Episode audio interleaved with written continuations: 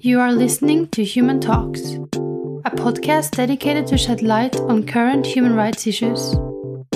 The Human Talks podcast was recorded during Human International Documentary Film Festival.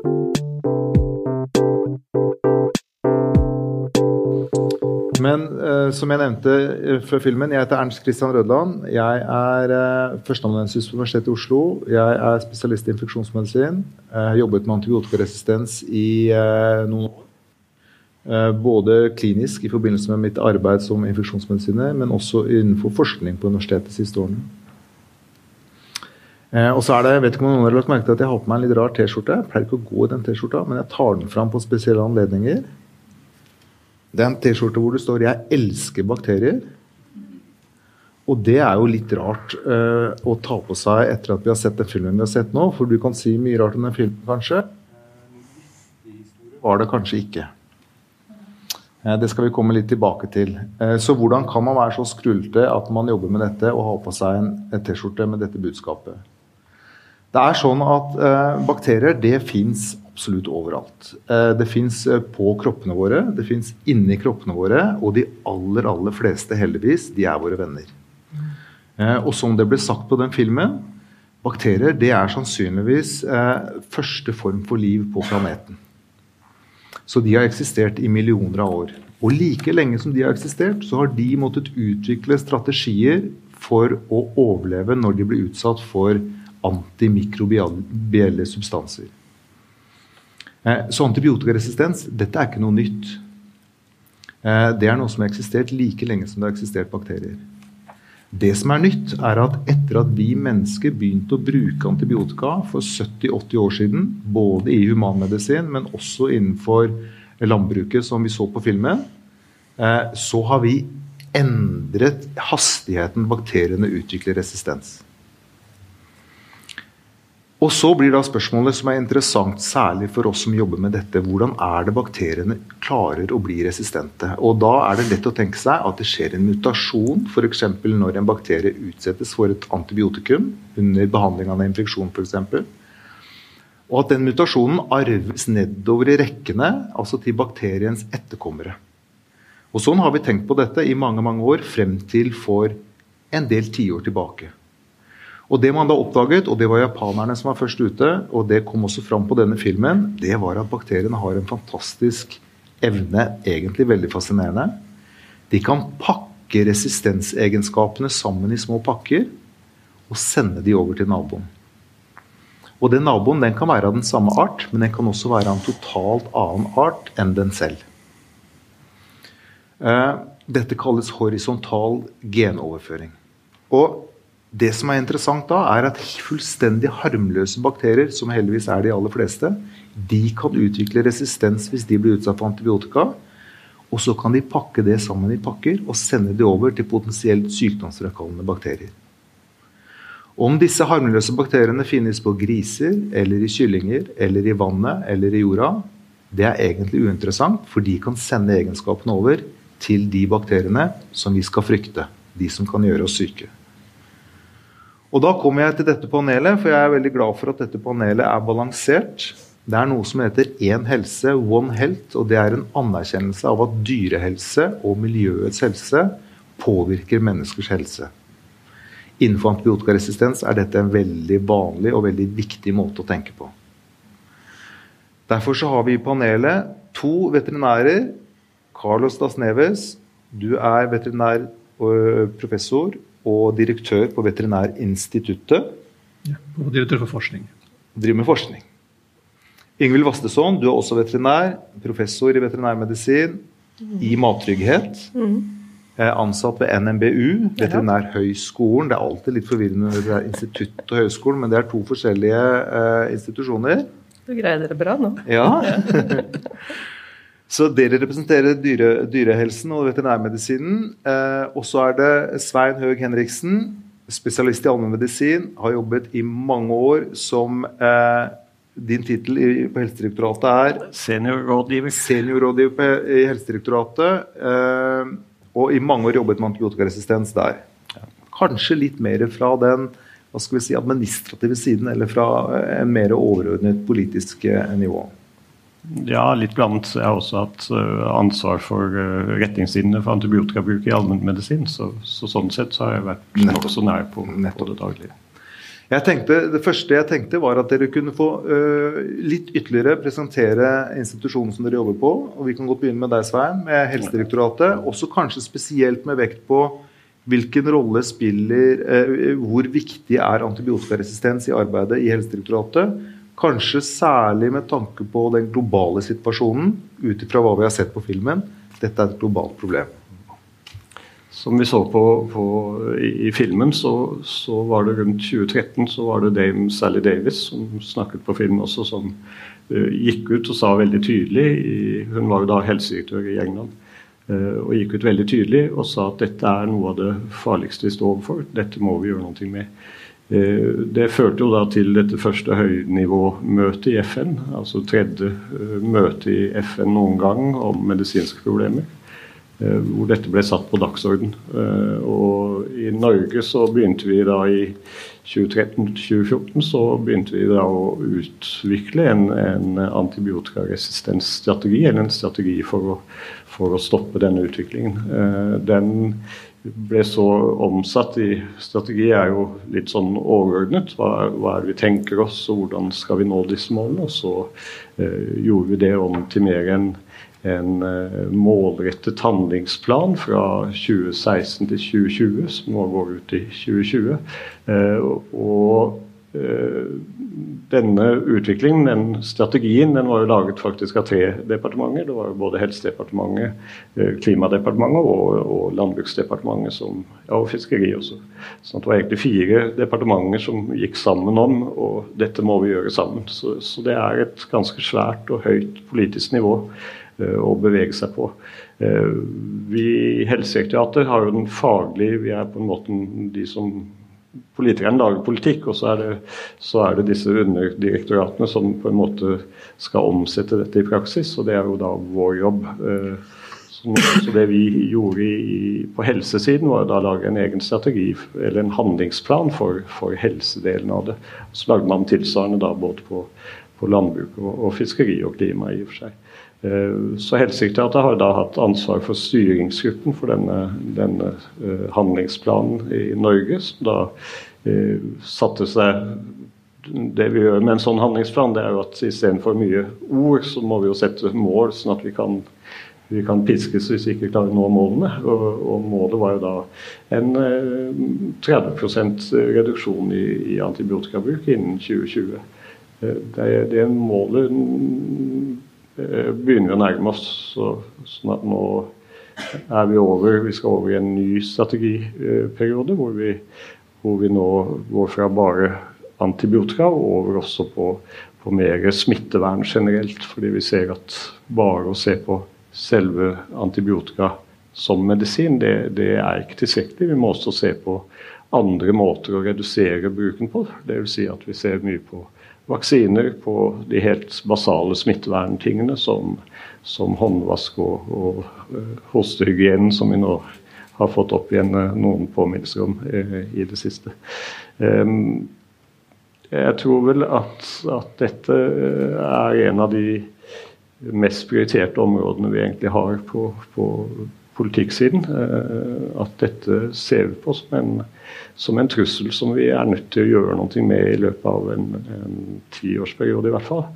Eh, vi er jo da også, Dette skjer jo bilateralt. Jeg sitter da også i en europeisk uh, gruppe som, som EU-kommisjonen egentlig som, som, rådgiver for denne gruppen på antibiotikaresistens. Og det vi opplever veldig i Norge, hvor vi, hvor vi, har vært heldige og på en måte ligger kanskje litt i forkant, så, så opplever vi veldig frustrerende at, at, vi ser i andre land at, at, det er et godt stykke frem bare mot, mot det, det, skrittet vi er i i Norge.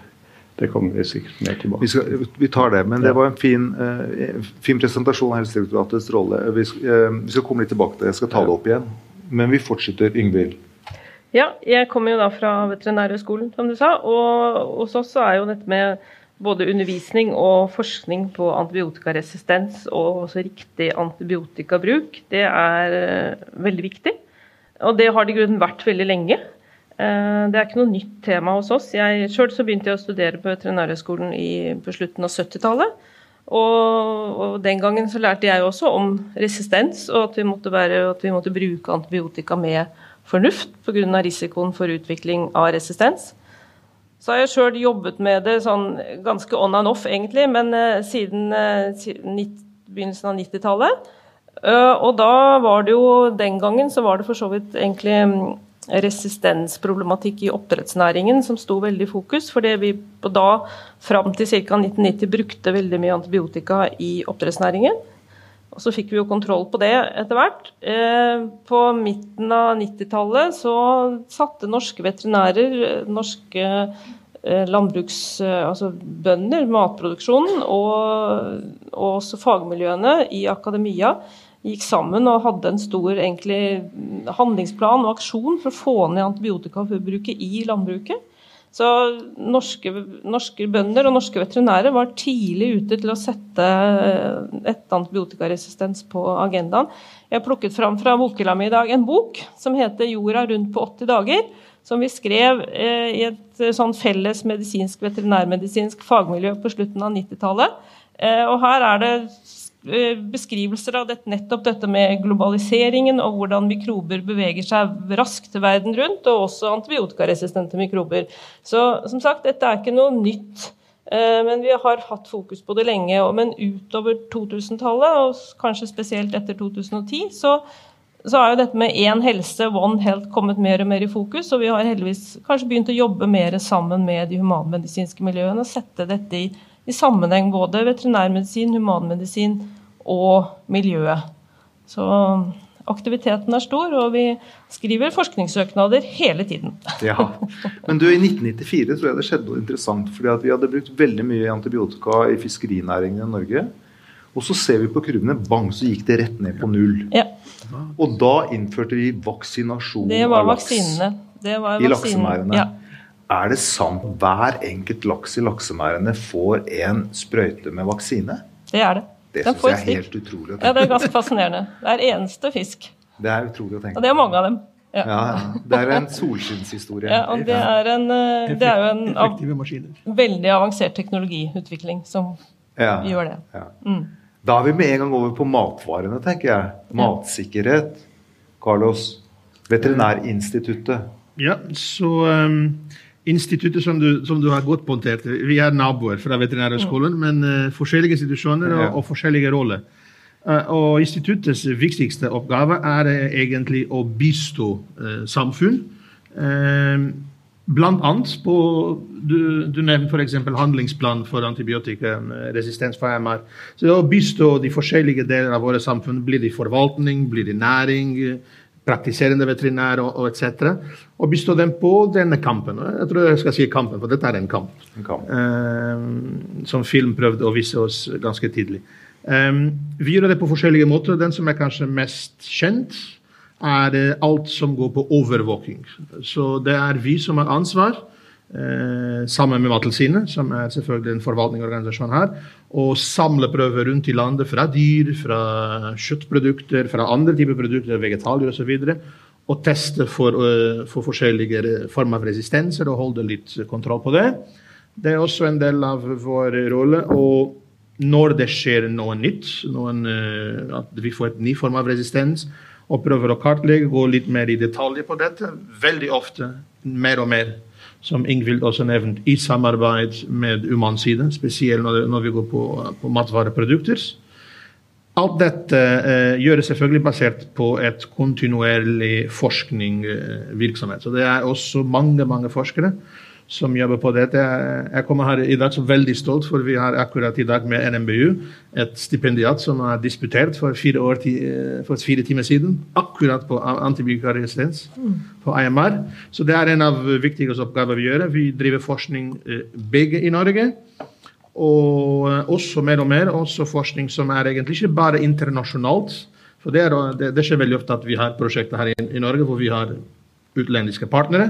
Men vi driver mer og mer eh, også forskning som er fokus i utland. Og Vi kommer kanskje litt senere tilbake til dette. og Vi har det veldig bra her. Eh, Men for å garantere at det fortsetter sånn, vi må kanskje også være litt ute der. Vi kan bevege oss over til en mer global situasjon. men Jeg, jeg vet nesten ikke om jeg tør å spørre deg, men jeg gjør det allikevel. Er det mye resistens i matvarer i Norge? Nei. Det, vi, er, vi må eh, Jeg så at filmen var eh, på noen eh, områder ganske skremmende. Og kanskje skal jeg si, litt på grensen om at det stemmer, alt. Um, men nei, vi har et spesiell situasjon i Norge når det gjelder begge bruk av antibiotika i dyr. som selvfølgelig har konsekvenser for hvor mye resistens du finner. og den resten som finnes i matvarer. Så det er, vi har en god overvåkning, vi har god kontroll, og vi har veldig lav bruk av antibiotika, som gir veldig lav resistens. Men eh, viktig å huske at resistens eh, utvikler seg ikke bare pga. at vi bruker antibiotika. Nei. Så det er et viktig element. Det kan vi komme tilbake til. Uh, fortsette litt, og Jeg tar opp tråden litt der hvor du slapp, Svein. Fordi uh, Norge er best i klassen når det gjelder dette. Vi er kanskje et av de landene i verden som har lavest forekomst av antibiotikaresistens. Og vi er kanskje de aller flinkeste, i hvert fall blant de flinkeste, til å bruke antibiotika. Handlingsplanen som du nevnte, 2012 til 2020, og målet var å redusere bruken av antibiotika. Selv om vi er best, så skal vi redusere bruken med 30% Vi er nede på 27, tror jeg konklusjonen ble. Det er egentlig ganske imponerende.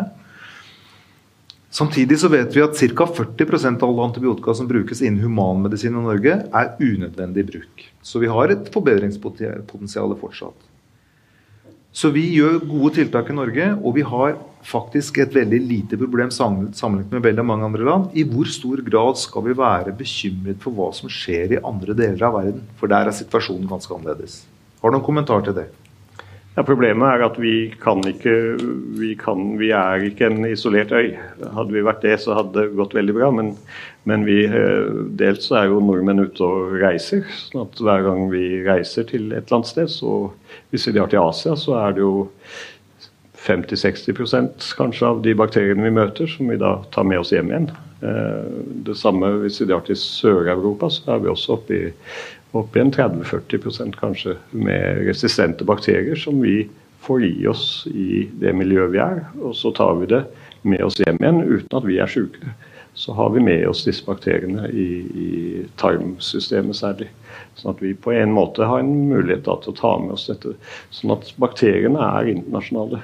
Så hvis vi ikke gjør noe globalt, så er det bare et tidsspørsmål før, før vi Og det går for hvert år som går, så ser vi at det blir flere og flere resistente bakterier også i Norge. Ja, kan jeg Umiddelbart så tenker jeg kanskje det er på tide at vi, det virkelig er noe i den, det utsagnet om at vi må hjelpe de der de er. Mm. Så når det gjelder resistens, så kanskje det er eh, riktig å bruke det. Har du noen tanker om dette, Ingvild? Ja, mange. mange ja. ja, altså det foregår jo eh, Du snakker om at vi mennesker reiser, og ja, dette er jo på mange måter globaliseringens bakside. Eh, og det gjør vi, men det er veldig mye annet som reiser òg. Det foregår jo en enorm transport av biomasse. Og da tenker jeg både mennesker og dyr og planter og mat på kryss og tvers av jordkloden hele tiden, til enhver tid. Og, og, bakterier og haiker jo med og er med som en del av dette hele tiden. Det var snakk om denne karba, karbapenemresistensen og NDM-plasmide på filmen. Og det er jo sagt at tilbringer du to døgn på et femstjerners hotell i New Delhi, så kommer du hjem med tarmen din full av NDM. Så Jeg har gjort det mange ganger. Ikke sant? Ja, uh, ja da, jeg har vært på tur til India sjøl, sammen med en hel gjeng med antibiotikaresistensforskere i regi av Norges forskningsråd. Så det var et paradoks, for så vidt. Men, men, det jeg ikke skjønner, er at folk som driver og reiser på disse her, og reiser rundt i verden for sånne billige kosmetiske skjønnhetsoperasjoner, eller reiser rundt for billige tannleger her og der med mye høyere nivåer av generelle nivåer av resistens. Jeg begriper ikke at folk tør. Så Det er i hvert fall en ting det går an å slutte med. da. Jeg syns ikke vi skal slutte å reise, selv om det kan være for så vidt mange grunner til at vi skal fly mindre. Men, men noe kan man jo i hvert fall burde man være mulig å kutte ut. Ja, De som kjenner meg godt, vet at jeg tenker sånn. Og det å mm. tenke på hvor man reiser blått til lyst, så ja. i hvert fall vurderer jeg eh, hvordan mikrobesituasjonen er til de stedene jeg reiser til. Ja. Jeg, er jeg er enig i at det er litt sært. Og så tenker jeg også at du sier hjelpe dem der de er. Ja, jeg tenker at vi har altså, i Norge og vi kan mye her. Vi har lært mye, og vi, vi har en hel masse ressurser sammenlignet med veldig mange andre. Uh, og vi har en forpliktelse også til å, til å være med og samarbeide med de som ikke har de samme mulighetene til oss. Til å, altså, til å være med å hjelpe og forske og undervise andre steder i andre land som, uh, som, har så, som, har mye større problemer enn oss, men hvor vi kan være med å gjøre en innsats. Så vi kan eksportere kunnskapen vår og samarbeide. Det, tenker, det har vi en forpliktelse til. Veldig kort kommentar til det fra min side. Det som eh, kanskje er den aller sterkeste driveren for resistens, det er overbruk eller gal bruk av antibiotika. Men det er andre ting som også spiller inn. F.eks. For forflytning av mennesker, mm. tetthet av mennesker, hygieniske forhold, tilgang til rent vann. Og det som er felles, hvilke land er det som karakteriseres av alle disse faktorene? Lavinntektsland det som mange kaller u-land. de bærer alltid den største byrden. Bærer alltid den største byrden, mm. Og sliter også med de største konsekvensene av, av resistensproblematikken. Mm. Hva tenker du om den globale eh, rollen ja, for, for, Norge? Det, det, er mye som er bra sagt her. Jeg tror det, vi må være klar at eh, det finnes ikke mer i stor grad lo, lokale problemer. Nei. Uh, og den type tenkning som vi er rett i midten av et godt eksempel. at Det finnes ikke lokale problemer. Det er ikke et bakterie, det er et virus, men uansett. Um, jeg tror at Når vi også tenker på global, det er viktig å forstå at vår rolle som eh, land er også å sikre at, eh, at, vi selv først og fremst holder den gode situasjonen vi er her, men sørger at det, det forblir god, det som er sagt. Og, og, og, Bare for å bruke noen eksempler fra film. Det var mye prat om kolistin i film, som er en av de viktigste antibiotika, siste mulige løsning for å, for å unngå panikk. Eh, det er et eksempel av et antibiotika som vi er veldig forsiktig å bruke her. Men hvor de få ganger vi har eh, identifisert resistense, har vært på importert mat. F.eks. Scampi fra Bangladesh, som har skjedd for to år siden. Da fant vi på importkontroll at de hadde resistens. Hvilken resistens tenker du på? Det er MCR, så kolinresistens. Eh, så det er et eksempel hvor det er viktig selvfølgelig å ha en del verktøy på plass. Men da kommer det spørsmål er det kanskje like viktig å hjelpe disse landene å unngå denne situasjonen. Og hvor mye trenger vi også å utdanne og, og, og, justere litt vår atferd og vår kultur til disse problemene. For jeg bruker ofte når jeg underviser mine studenter eh, oppe i Tromsø et eksempel, at vi er veldig forsiktige her i Norge med som du sa, matvarer. Eh, og næring i disse dagene kanskje opplever at når du går og kjøper en kylling, det må være nesten skrevet at narasinfri, antibiotikafri, kylling triver helt til døden. Dyrevelferd var på plass. Ellers vi skal ikke ta det. Men jeg var i Bali for, uh, i fjor i sommer, og da fant jeg fire nordmenn som satt på et uh, levende dyremarked på et lite uh, bårdsom, hvor det var 100 kylling på et gjerde, hvor dama tar kylling, dreper blod i, i gulvet, tar, preparerer, lager et fin kyllingsatai, og de koser deg og spiser. Ja. Så da spør vi har vi også litt å gjøre med utdanning av oss, av de andre. Og jeg tror vi har mye å gå her hvis vi skal unngå noen av disse problemene. Mm. Og det hjelper ikke å ha, å ha det bra her. Det, det, er det som er beskjed. For du kan godt si at vi kan godt reise mindre, men vi skal fortsette å importere mat her og der. Mm. Eh, og, og, det kommer alltid til å, å, å være et problem. Ja, jeg kan nevne det veldig kort. at uh, det, Jeg har gjort en undersøkelse for over ti år siden med uh, hvor de målte resistens i avføringen fra måker på Sibir, Grønland og Alaska, de mest øde områdene. Og de fant multiresistente bakterier i 10% av prøvene. Dette er ikke mat som vi spiser. Dette er måker som aldri har vært i kontakt med noen veterinær eller menneskepopulasjoner. Så det er interessant. Hvordan mm. spres disse bakteriene? Jeg kunne, kunne gi et kort replikk. Vi har et, et studie som skal egentlig publiseres nå, men det er, ikke, det er ikke noen hemmelighet. Vi har vært akkurat i Svalbard. Uh, ikke akkurat. Vi har vært i Svalbard og tok en del prøver fra reinsdyr. Som er dyr som vi forventer til å ha burde ikke ha store problemer med dette. Det er få mennesker. Det er ikke noen kylling der oppe, eller grisen eller andre former. Og vi fant flere av disse med multiresistensprofiler. Så flere dyr som var resistent med flere bakterier. Og vi, selvfølgelig forskningen gikk litt videre i, i analyser av disse resistensegener osv. Og, så og noen av dem eh, nærmer seg fra resistensegener funnet i kinesiske kylling ja. og i nederlandske grisene. Og da lurer jeg på, Vi har ikke kinesiske kylling eller griser fra Nederland i Svalbard. Men vi har utrolig mange kinesiske turister. Ja. Og vi har, som du sier, eh, trekkefugl som går frem og tilbake over hele Arktis. Så ja, trygghet er, som, er et veldig fleksibel eh, eh, Vi utviklet et par ord før vi kom inn her i stad. Eh, var dette litt vel pessimistisk, denne filmen vi så? Er, litt, ja, er det litt vel pessimistisk? Svein, hva tenker du? Ja, jeg tenker det ble litt, det ble litt u-land i-land. At det ble veldig, veldig fokus på litt snuskete i Asia, uten at det er noen sånn Det er ikke der egentlig problematikken ligger. Og så var det mer de vestlige som litt hadde, hadde løsningene. Eh, jeg tror det er en farlig ting, men, men, det de peker på, er på en måte nettopp det vi har vært inne på. At det er en, blitt en opphopning i, i, veldig mange land. og, og eh, Asia er jo av de stedene som har vært mest utsatt. og Noe av det eh, henger jo sammen med den siste biten av, av filmen, som går på nye antibiotika. Altså de, noe av problemet i Kina, i India, er at de produserer det meste av det vi lager av antibiotika i hele verden. Eh, og det vi også ser, er jo at de antibiotikaene skylles ut fra, fra fabrikken og ut i elvene. Og så har du plutselig en uh, grobunn for antibiotikaresistens for alle de bakterier som lever langs de elvene. Sånn at det er både tettbygg, altså den tette bebyggelsen og også, også, selve produksjonsmetoden som egentlig ikke er kontrollert. Sånn at vi, vi er over på en god del av de problematikkene. Og Så er det den andre problemet, at når de først har fått resistensproblemene, så er det forferdelig vanskelig å bli kvitt dem. Det hjelper ikke å redusere så veldig mye på antibiotika når de først er der. Så det vi ser som et problem i Norge, det er at vi er Norden er snart den eneste delen av verden hvor vanlig penicillin fortsatt funker. Mm. I alle andre land nesten så må vi, så må vi ty til uh, kraftigere skyts. Og det vi er redd for nå, er at vi ikke kommer til å få laget noe mer penicillin fordi, fordi det blir eh, for lite inntekt for, for uh, industrien. Så det vi diskuterer nå, er bør vi lage antibiotikaen sjøl? Uh, bør vi ha en egen produksjon av penicillin, som er det vi er avhengig av? Eller, eller, skal vi legge på litt på prisen, sånn at vi kanskje, kanskje kan få de, de legemiddelfirmaene til fortsatt å, å, produsere det. Nå er det så billig at de sier de tjener ingenting på å selge antibiotika. Så, så, vi er ute på en litt annen diskusjon der også.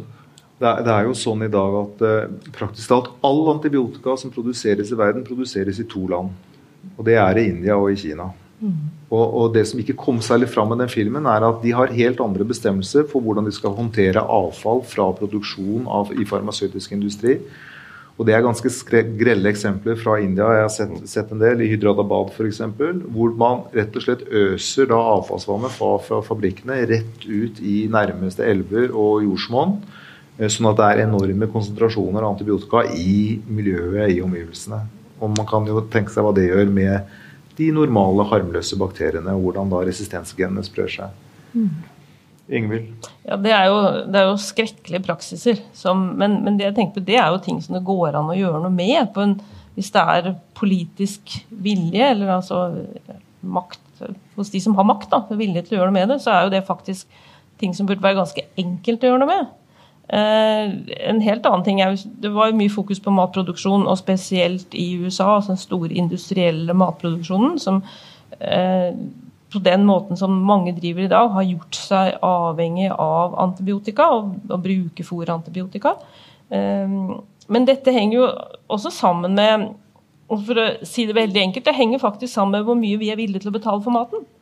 For Krever vi billig mat, så har det en del konsekvenser i den andre enden. Og det er for Vi må jo ha forståelse for at de bøndene som produserer den maten, at de skal ha et levebrød ut av det.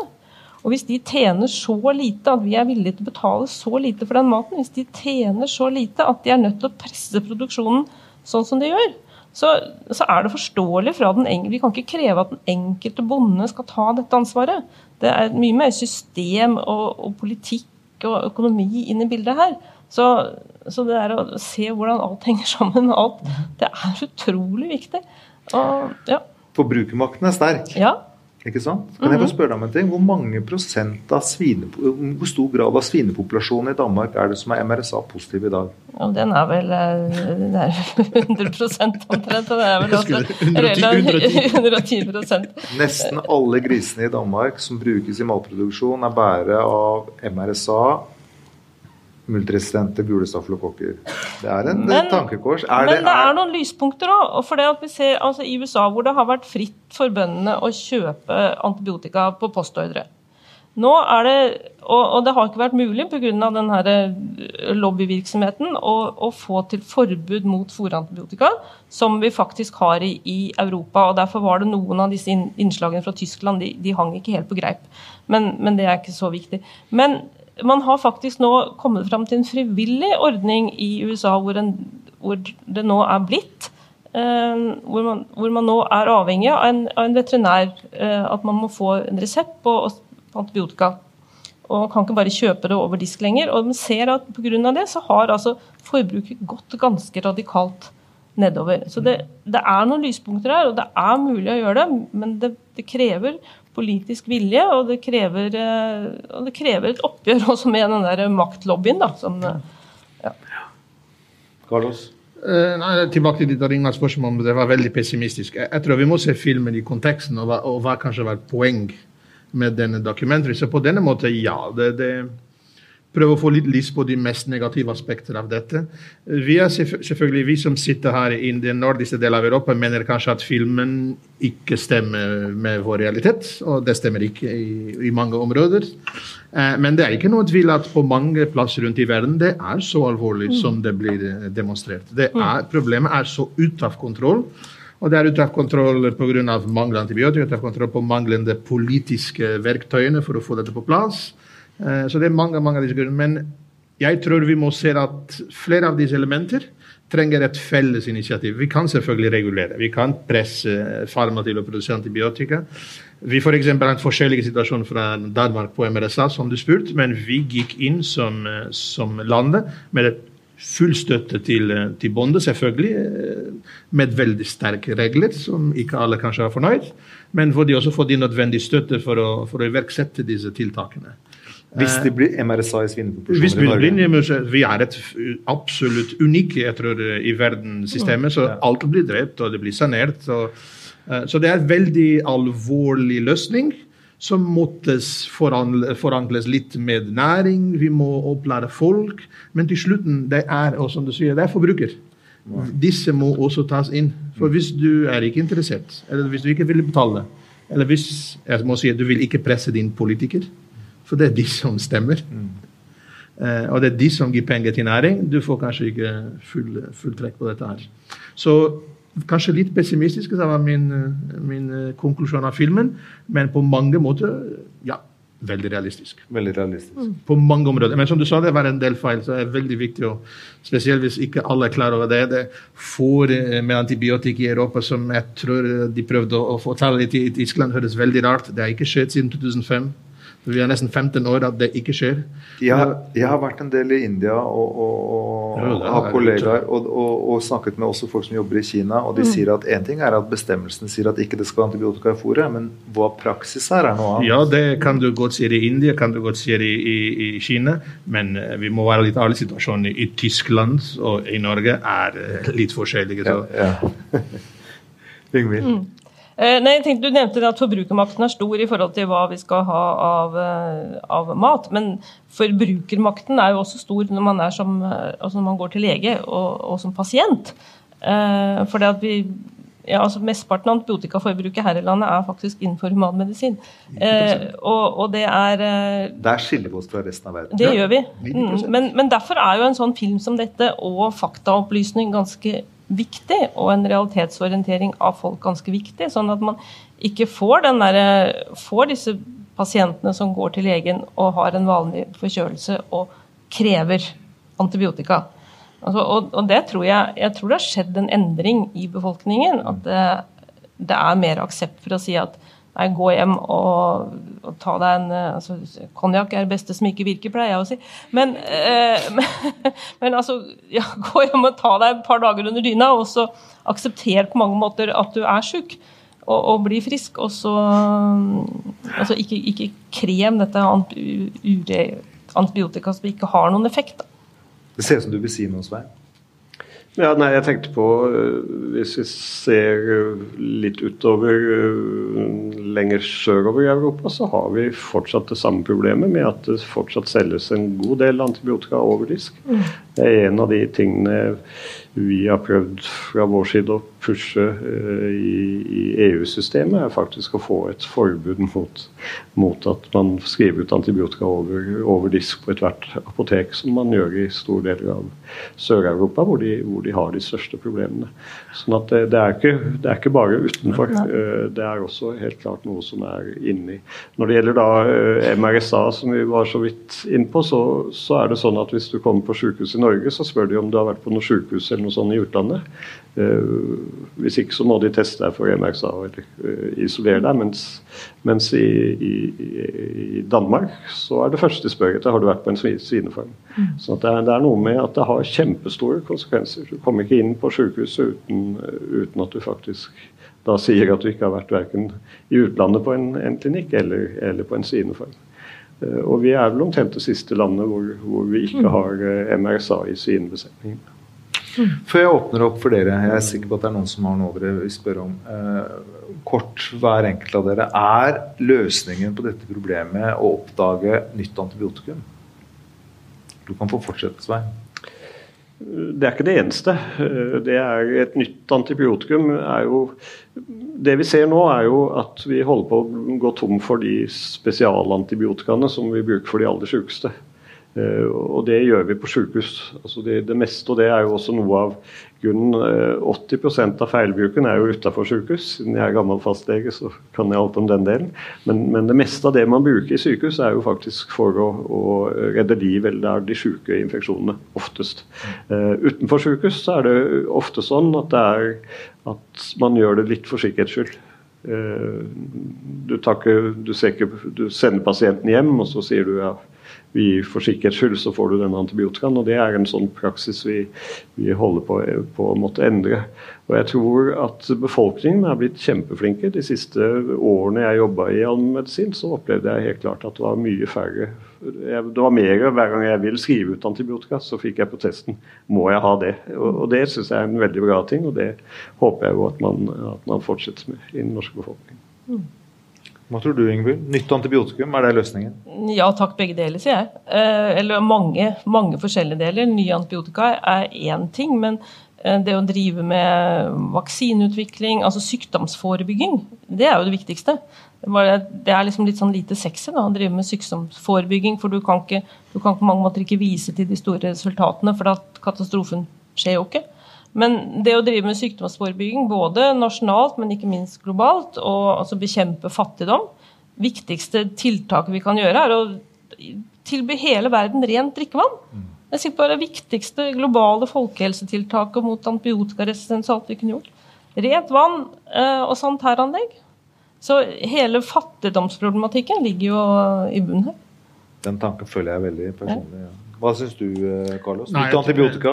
Mm? Nytt antibiotikum? Er det Ja, jeg tror det, det mest har blitt sagt. Selvfølgelig. Det, det, er viktig å ha en ny verktøy i kassa. Og det tror jeg den journalisten var, eh, den eh, scientific journalisten var litt Hun, hun hadde det riktige tilnærmingen. Vi, vi får et problem, vi får et løsning, der får vi et problem, der får vi et løsning. Så det er kanskje greit å ha alltid et løsning. Men som, som Ingvild sier, vi, vi er veldig flinke på reaksjon. Men uh, å være mer proaktiv og, og, og, forebygge Hvis det det ikke vært nødvendig å bruke antibiotika. Og det finnes kanskje utrolig mange uh, eksempler hvor vi kunne jobbe for at vi ikke trenger å bruke det. Vi så noen av disse bilder fra uh, Dhaka, disse slums osv. Det er ikke vanskelig fra Du trenger ikke å ha et full doktorgrad på en AMR, som jeg fikk en student i dag. Du kan gå til småbarna og forstå at dette, dette burde unngås. Eh, så det er mye som kan gjøres i forebygging, i, i, i forutsi også, ikke minst.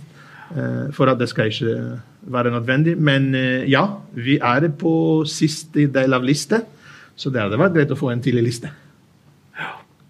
Det kom en veldig kul artikkel i The Guardian forrige uke, noen har kanskje sett den, hvor de har tatt i bruk kunstig intelligens for å utvikle et helt nytt antibiotika som liksom har en helt annen tilnærming til eh, antimikrobiell effekt enn det vi kjenner tidligere. Så det er noen, det er noen muligheter. Jeg kan være litt sånn teknologioptimist av og til. Se noen muligheter der framover. Vi kan tenke ja. helt annerledes. Det er flott. Vi lar det være ordet. Vi åpner opp. Hvis det er noen som har spørsmål, gi et signal, og så får dere en mikrofon. Så er det mye lettere for oss å høre.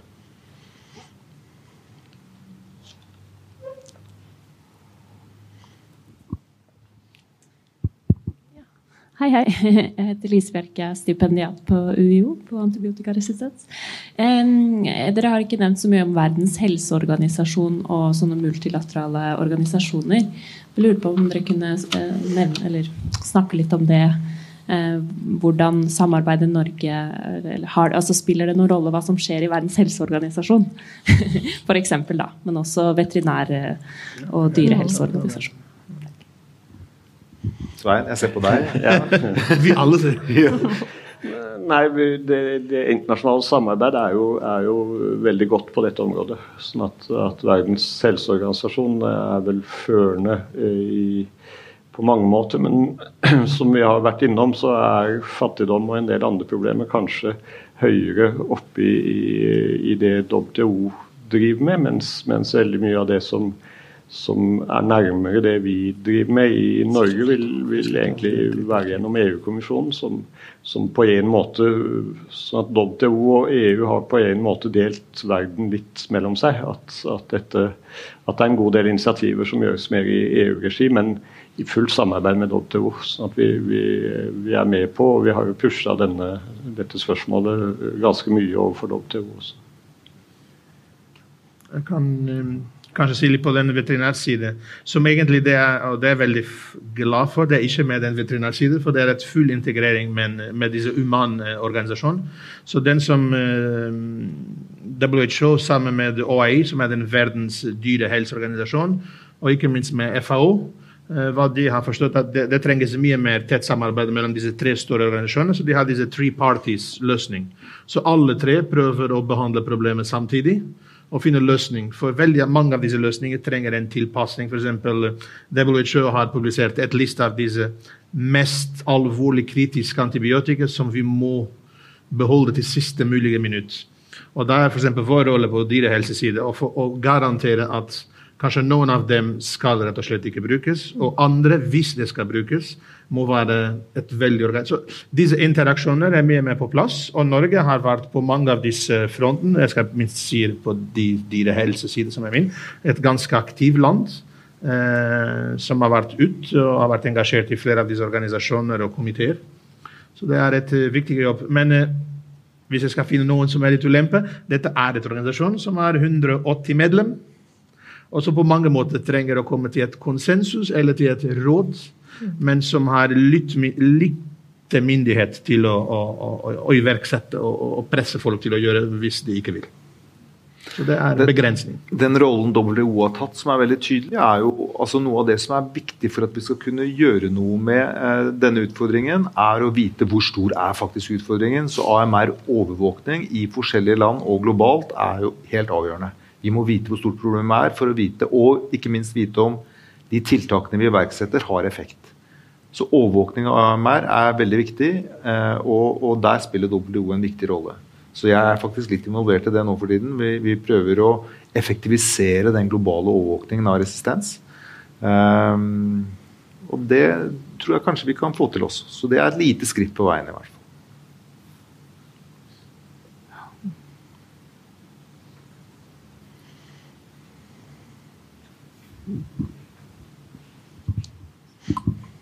Hei. Jeg heter May-Linn og er stipendiat på Veterinærhøgskolen. Det har vært mye snakk om at Norge er i en særsituasjon. Vi er geografisk ganske avgrenset, vi har en god økonomi, vi har en liten befolkning, vi har god plass. Men hvor mye reell påvirkning har vi egentlig internasjonalt? Hvor, hvor mye makt, om du vil, da, har vi som nasjon på den internasjonale situasjonen?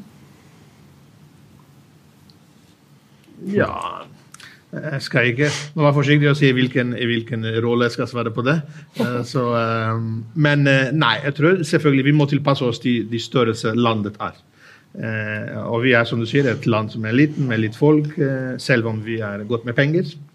Eh, men jeg tror at akkurat pga. at vi er et flink situasjon, vi har prøvd å, å, å, å, påvirke internasjonalt akkurat med de gode eksempler. Kan, det betyr ikke at vi kan bare copy-paste hva vi gjør her på andre land. For det kommer selvfølgelig kanskje ikke til å fungere på det samme måte. Men vi prøver, og vi ser at på biosikkerhetsfronten, på uh, integrasjon En annen ting vi har veldig flink her, vi har et veldig kort avstand mellom næring og forvaltning, så de prater veldig mye. Det er ikke et realitet som skjer på mange andre land. Så vi prøver å vise litt vår måte vi jobber for å påvirke andre land. Det andre måten for oss å få litt mer sterke, Vi har selvfølgelig, akkurat som du sier, vi har lite penger her og der. Vi har en tradisjon og, bistand, eller ut, hjelpe på utvikling av mange andre land, og hjelpe mange andre land på noen av disse problemer.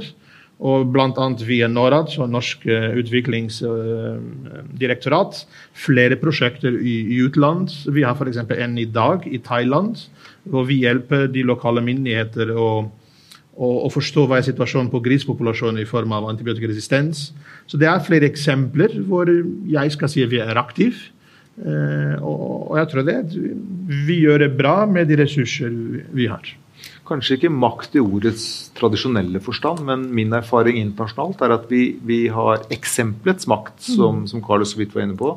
Mange ser til oss og stiller seg spørsmålet hva er det Norge har gjort, og hvordan har Norge klart å å holde resistensproblemet så lavt som det vi har, faktisk. Og denne fiskehistorien er jo et klassisk eksempel på det. Mm. Eh, at faktisk slutta å bruke antibiotika i fisken. De, de, har tillit. Det, jeg glemte å si. Tillit. De hører på oss. De tror på hva vi sier. Mm. Så det, det, er et viktig eh, Du nevnte en ting, Carlos, og det tror jeg er ganske viktig. Det å være litt med eksempelets makt. Det er dette med den samarbeidet og tilliten som er mellom altså næring og forvaltning, og for så vidt akademia. da. Eh, at det er, nå er vi et lite land, og avstandene er korte også av den grunn, men det er en, på mange måter en, en, grunnleggende tillit som ligger der, og som, har, som, er en god samarbeidsmodell. Det ligger vel litt i den nordiske, skandinaviske modellen, for så vidt. Eh, sånn at der tenker jeg hele, hele Norden kan være gå litt foran. da, også, for I mange andre land så er det jo mye, mye steilere fronter. at Man har ikke noe tillit mellom forvaltningen og næringen. Eh, det er ikke bestandig det er det her heller, jeg skal ikke rosemale men, men altså, i det store og det hele så er det en sånn grunnleggende tillit, tror jeg. Ja. Mm. Vil du si noe om dette? Ja, jeg kan jo godt si at vi er jo i samme rom, og det er én representant for eller like mange fra hvert land. sånn at vi, vi har den samme stemmen i og for seg som andre land. og, og nettopp dette med tillit, at vi stadig har vært der, at vi har vært pådrivere på mange av disse spørsmålene, gjør at vi, at vi blir uh, hørt på i, i stor grad. Eh, sånn at, at, eh, det er ikke neglisjerbart. Det andre er jo at, vi, at alltid hjelper med penger. Eh, ikke bare på den negative siden, men, men også på den positive. At vi, vi, kan jo også bidra. Vi bidrar ganske mye med, med midler også, både til WTO og andre organisasjoner. Sånn at innflytelse har vi. Makt er jo, er jo I disse organisasjonene så er det flertallets makt. Du må krangle deg fram til en løsning som alle er enige i til slutt. Og da er vi like store som alle de andre store landene også.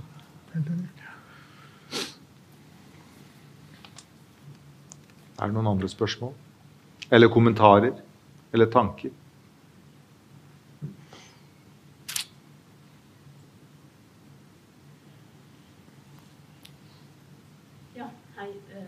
navn er Tora. Jeg er ikke fagperson på dette området, men jeg er veldig glad for å høre om det globale perspektivet dere tar. Og det er mer mitt fagfelt. Eh, når det er sagt, så, eh, så har jeg egentlig spørsmål til dere. Det er at det jeg syns liksom blir stående som et spørsmålstegn i filmen, det er hva skjer med neste generasjon antibiotika, eller alternativet til antibiotika, eh, der hvor det trengs. Ikke sant? De 20 da, hvis sånn som Høg Henriksen her sier at 80% er kanskje forebygging, så er det allikevel de 20% som skal til i forbindelse med alvorlige tilstander, for å si det sånn. Og der syns jeg filmen henger litt eh, Jeg kunne godt tenke meg å høre fra dere som fagfolk. Hvordan tenker man der? Og i lys av at eh, for en del år siden så la jo Norge ned vår vaksineproduksjon Folkehelsa la jo ned de som produserte vaksiner til både Norge og utlandet. Har dere noe eh, er det, er det faktisk en reell ny situasjon? At Norge kanskje skal begynne å produsere vaksiner igjen? Det er mine to spørsmål. Takk. Jeg vet ikke hvem som er noen som Jeg kan jo si noe om vaksinene. For det, det, det er jo sånn at, vi, at, vaksineproduksjon er forferdelig dyrt. Eh, vi ser jo litt på det akkurat i den situasjonen vi er i i dag, hvor, hvor vi jo vet at vi kommer til å trenge en vaksine snart. Eh, men da snakker vi om, om eh, mange hundre milliarder dollar for å utvikle fullstendig fullverdig og den det vi, det vi, og det lønte seg ikke lenger. Altså, vi, hadde ikke, vi, hadde egentlig ikke økonomien til å fortsette med det i folkehelseregien. Og vi hadde en del problemer den gangen da, da man drev med meningittvaksinen, og det var noe bivirkningsproblemer. Så det var grunnen til at det ble nedlagt. Det andre er at all produksjonen i, i hele Europa vi her ble det jo sagt i og for seg at det var fem-seks store firmaer som drev med antibiotika i hele verden overhodet. Vi har bare ett firma i hele Europa som driver med antibiotikaproduksjon. Og det, er, det bekymrer oss. Det er en av de work packagene, en av de gruppene som vi jobber med i denne EU uh, Joint Action uh, for Antibiotic Resistance. Der, der, er Et av målene er faktisk å komme fram til økonomiske metoder hvor statene kan bidra med penger, sånn at vi utvikler antibiotika, men putter dem på hylla. Og det samme Erna Solberg var jo ute for to-tre uker siden og, og ba alle land om å gi penger til utvikling av vaksine gjennom CEPI, som er en som er en sånn uh, vaksineutviklingsdel. Men, men, dette er blitt så spesialisert og så innmari dyrt at, at, vi er over den tiden da, da Norge hadde muskler, eller da norske firmaer hadde pengene til å gjøre den typen ting. Det er jo personer i fagmiljøet i Norge som argumenterer sterkt for at dette er noe som staten rett og slett må ta ansvar for, og ikke overlate til, til uh, tradisjonelle bedrifter. Men at dette er så viktig som et Eh, global public good da, å, å, ha tilgang både til antibiotika og til vaksiner. At det er et statlig ansvar. Men dette jo, henger jo fortsatt i, i løse lufta. Mm. Du spør litt om hva, hva, er alternativet til antibiotika. Så når vi står der og ikke har noe antibiotika som virker, det, noen ganger så, så, får jo det fatal utgang. Eh, men jeg tror nok at framover altså det, det kommer jo hele tiden ny kunnskap, og vi har jo fantastiske nå nye verktøy til å, forstå eh, biologien. Og, og, både mikrobene, men ikke minst altså dyra og menneskene. Eh, vert, verten da, for disse mikrobene, og, og det, de interaksjonene som er mellom mikrobe og vert. Eh, så jeg tror nok at det framover vil komme veldig mye ny kunnskap som vi også kan bruke i infeksjonsmedisinen. Se bare på de siste årene hvor utrolig mye som har skjedd innen immunterapi når det gjelder kreft. Eh, altså man kan godt tenke på at det skjer store framskritt innen, eh, innen hvordan vi kan bruke og manipulere immunsystemet vårt i forhold til behandling av infeksjonssykdommer også. Mm. Det har vært fryktelig men jeg sier alltid, det har vært kjempespennende å komme tilbake om 200 år og sett hva man vet. da. Men, men det, det, skjer utrolig mye, mye spennende ting nå, for vi har så nettopp gjennom disse store mulighetene for å behandle så store mengder data, gjør så store framskritt innen forskningen det som bør sies i den Jeg er helt enig med deg, og det tror jeg også. og Særlig den sammenligningen med immunterapi og, og, moderne kreftbehandling. Men det som må sies i den sammenhengen, er jo at hvilke land er det som har størst problem med infeksjoner? Det er de fattige landene. Mm. Eh, og disse nye behandlingsmetodene de blir ikke billige. Nei. Så spørsmålet er jo om kom, er de tilgjengelige i de land som, hvor det faktisk trengs mm. mest, med det globale perspektivet som du er enig på.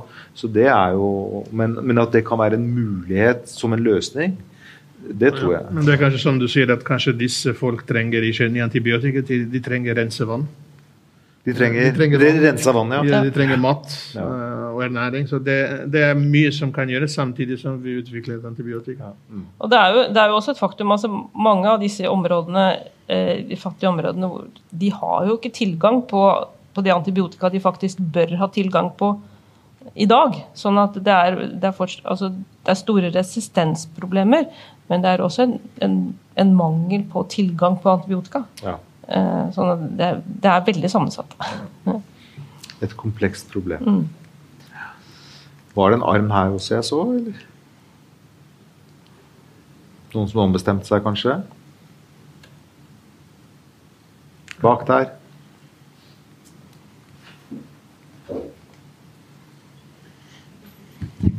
Um, vi er en gjeng medisinstudenter, og vi vet at man snakker mye om uh, å redusere antibiotikabruk i helsetjenesten. Og dere snakket jo også om at i Norge så brukes jo det meste av antibiotikaen i helsetjeneste. Men filmen ga kanskje uttrykk for at um, uh, det brukes eh, At det er antibiotikabruk i, blant dyr som er det største problemet. Så jeg lurer litt på hvordan deres oppfatning er der globalt. Om det er eh, overforbruk i helsevesen eller i, i dyrebruk som er det største problemet. Ja, det varierer. Altså globalt, hvis, du, hvis, man prøver å regne på globalt nivå, så sier man at ca. 70-80 av antibiotikaforbruket er til dyr. Eh, Matproduksjon. Ja.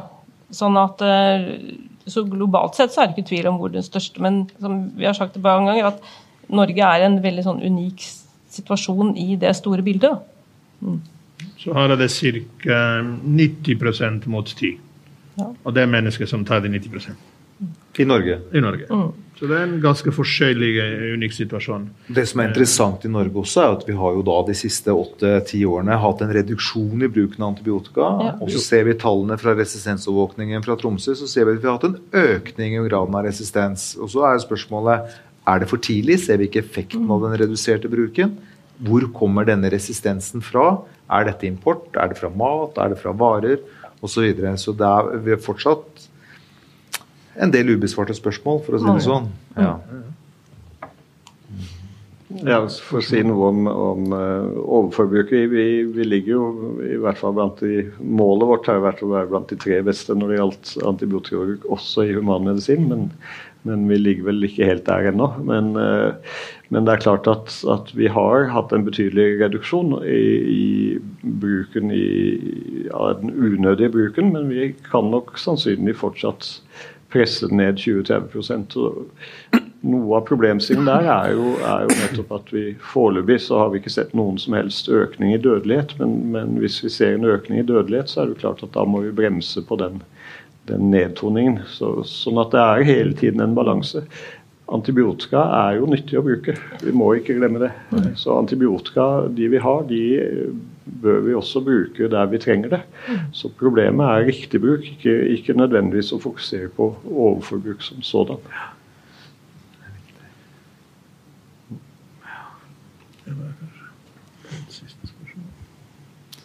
Skal vi si at det er, det er dagens siste spørsmål? Okay.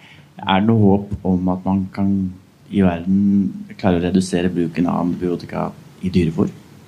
Altså at man klarer å få, få, kontroll på den bruken der. Er det håp om å få redusert antibiotika i dyrefòr?